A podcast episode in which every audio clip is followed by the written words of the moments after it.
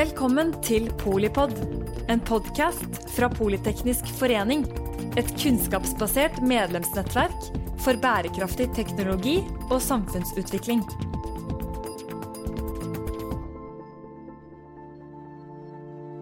Velkommen til eh, Polipod, eh, det jeg brenner for.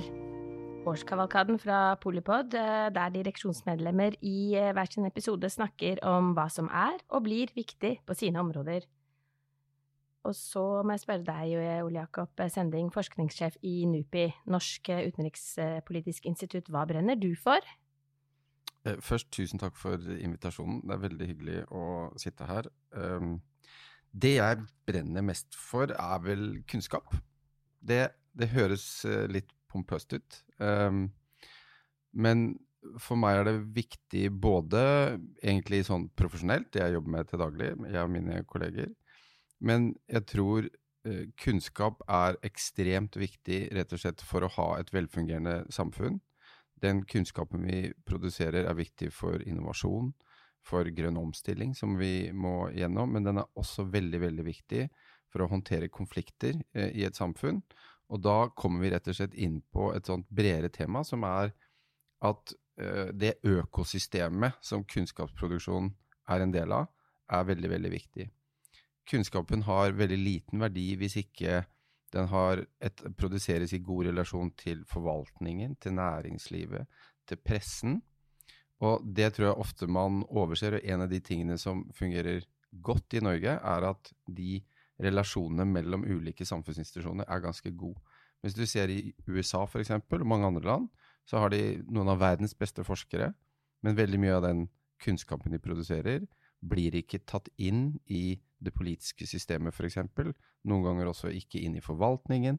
Sånn at da mister man det man kunne ha fått ut av den kunnskap som eksisterer i samfunnet.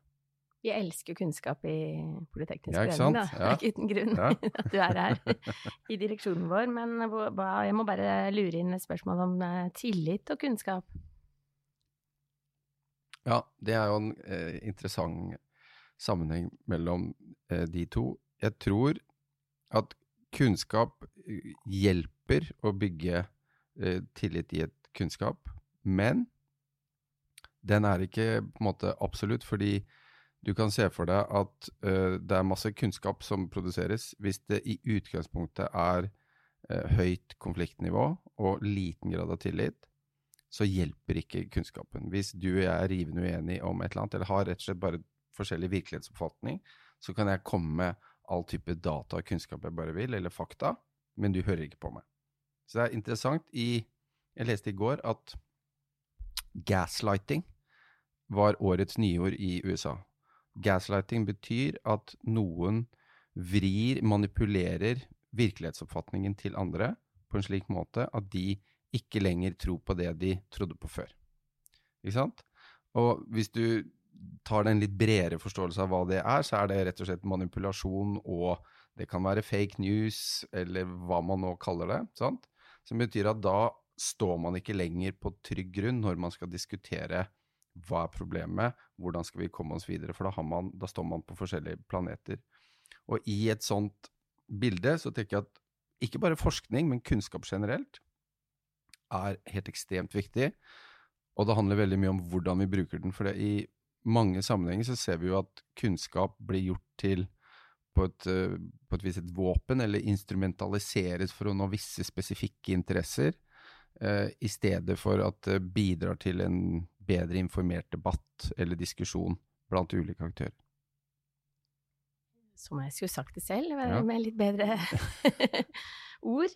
Du, eh, med den, eh, den, lidenskapen for eh, kunnskap og kunnskapens betydning, da, hva tror du blir viktig i året som kommer? Krigen i Ukraina er jo det mest uh, åpenbare. Um, det kommer til å bli en veldig, veldig tøff vinter i Ukraina. Og vi får håpe at uh, europeiske og andre, og særlig nordamerikanske uh, allierte, fortsetter å støtte Ukraina like mye som de har gjort til, til nå. Men utviklingen i krigen i Ukraina kommer til å prege selvfølgelig eh, 2023.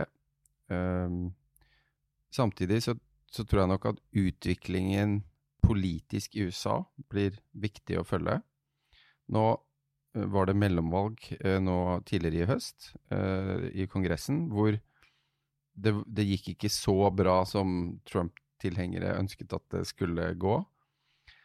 Men det er ganske sterke krefter i det politiske systemet i USA som har et litt annet syn på hvor mye penger skal USA bruke på å ivareta europeisk sikkerhet, inkludert støtte med våpen og annet til Ukraina.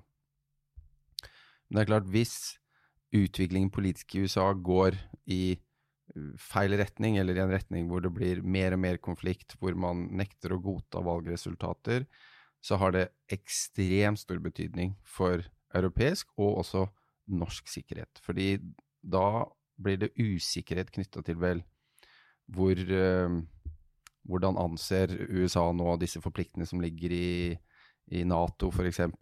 Så, så det er veldig, veldig viktig, tror jeg. Eh, og så er det jo interessant å se nå at nå første, for første gang på ja, 30 år så er det demonstrasjoner. Ganske omfattende demonstrasjoner i Kina. Eh, som jo delvis handler om koronarestriksjoner, men det er nok mye Eh, frustrasjon og sinne eh, knytta til andre ting som ligger bak også. Og det blir interessant å, å følge nå fremover, hvordan det vil utvikle seg, eventuelt påvirke politiske situasjonen eh, i Kina. Og så lurer jo alle på hvordan det går med krigen i Ukraina, og hvordan vil den politiske utviklingen i Russland fremover eh, bli. Og det er vanskelig å si noe om, men det blir jo ekstremt viktig å, å følge. Vi planlegger et post-Putin-seminar neste år. Ok, ja. Vi får se om det blir post eller, eh, eller hva det nå blir. Et, et, par andre ting som er eh, mer sånn Kanskje ikke så mye oppe i nyhetene, er jo diskusjoner om hvordan rike land som har eh, sluppet ut Eh, klimagasser i flere tiår, skal kompensere fattige land som ikke har sluppet ut så mye, og som bærer de største kostnadene knyttet til klimaendringer. Og Det er denne såkalte diskusjonen om tap og skade, hvor disse forhandlingene nå i Egypt, der ble man enige om at det skal opprettes et sånt fond for tap og skade. Altså at rike land skal spytte inn penger som fattigere land kan trekke på for å håndtere konsekvensen av klimaendringer.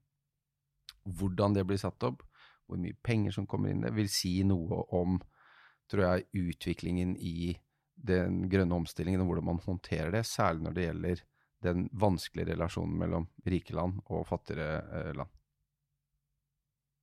Det er ikke småtteri, da, for uh, neste år? Nei, Hva har altså, du tenkt å uh, bidra med selv?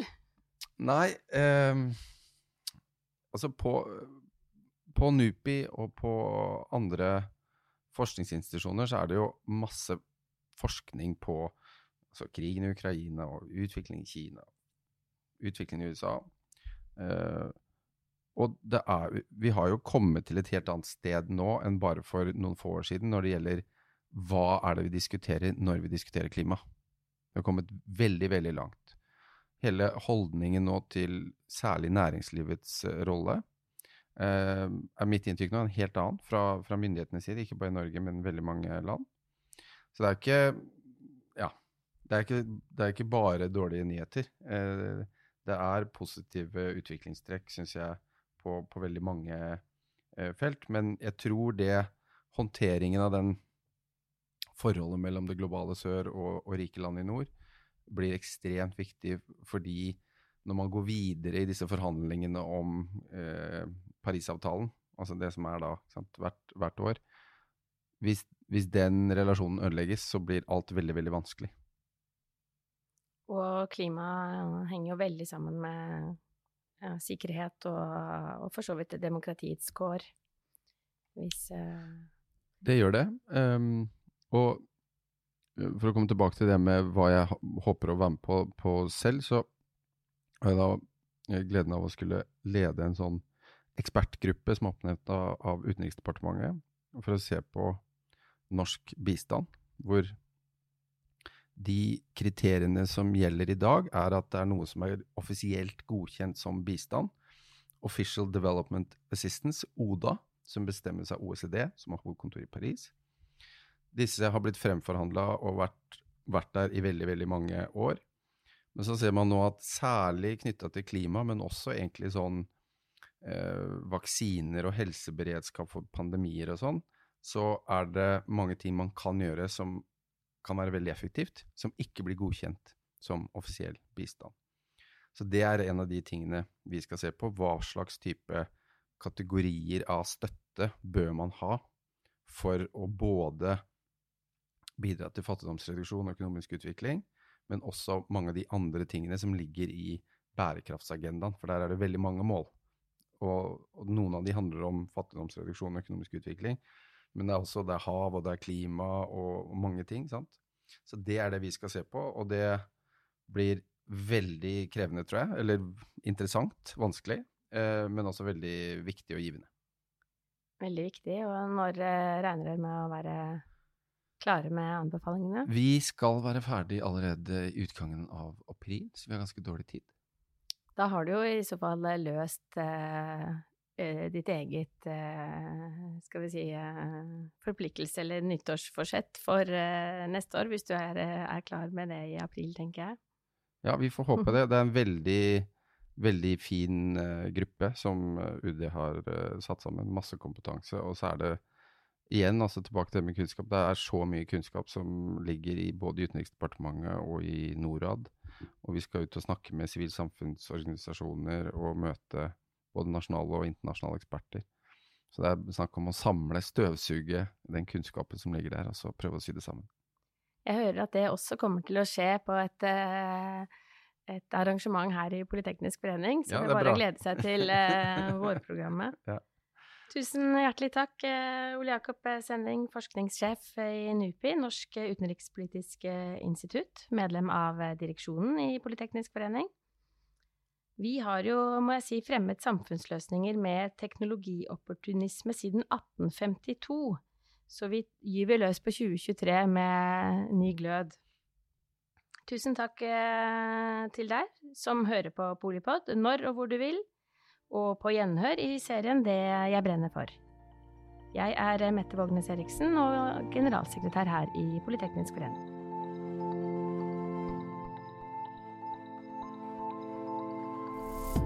Takk for at du lyttet til Polipod fra Politeknisk forening. Få med deg flere episoder, eller bli med på nettverksmøtene som du finner på at polyteknisk.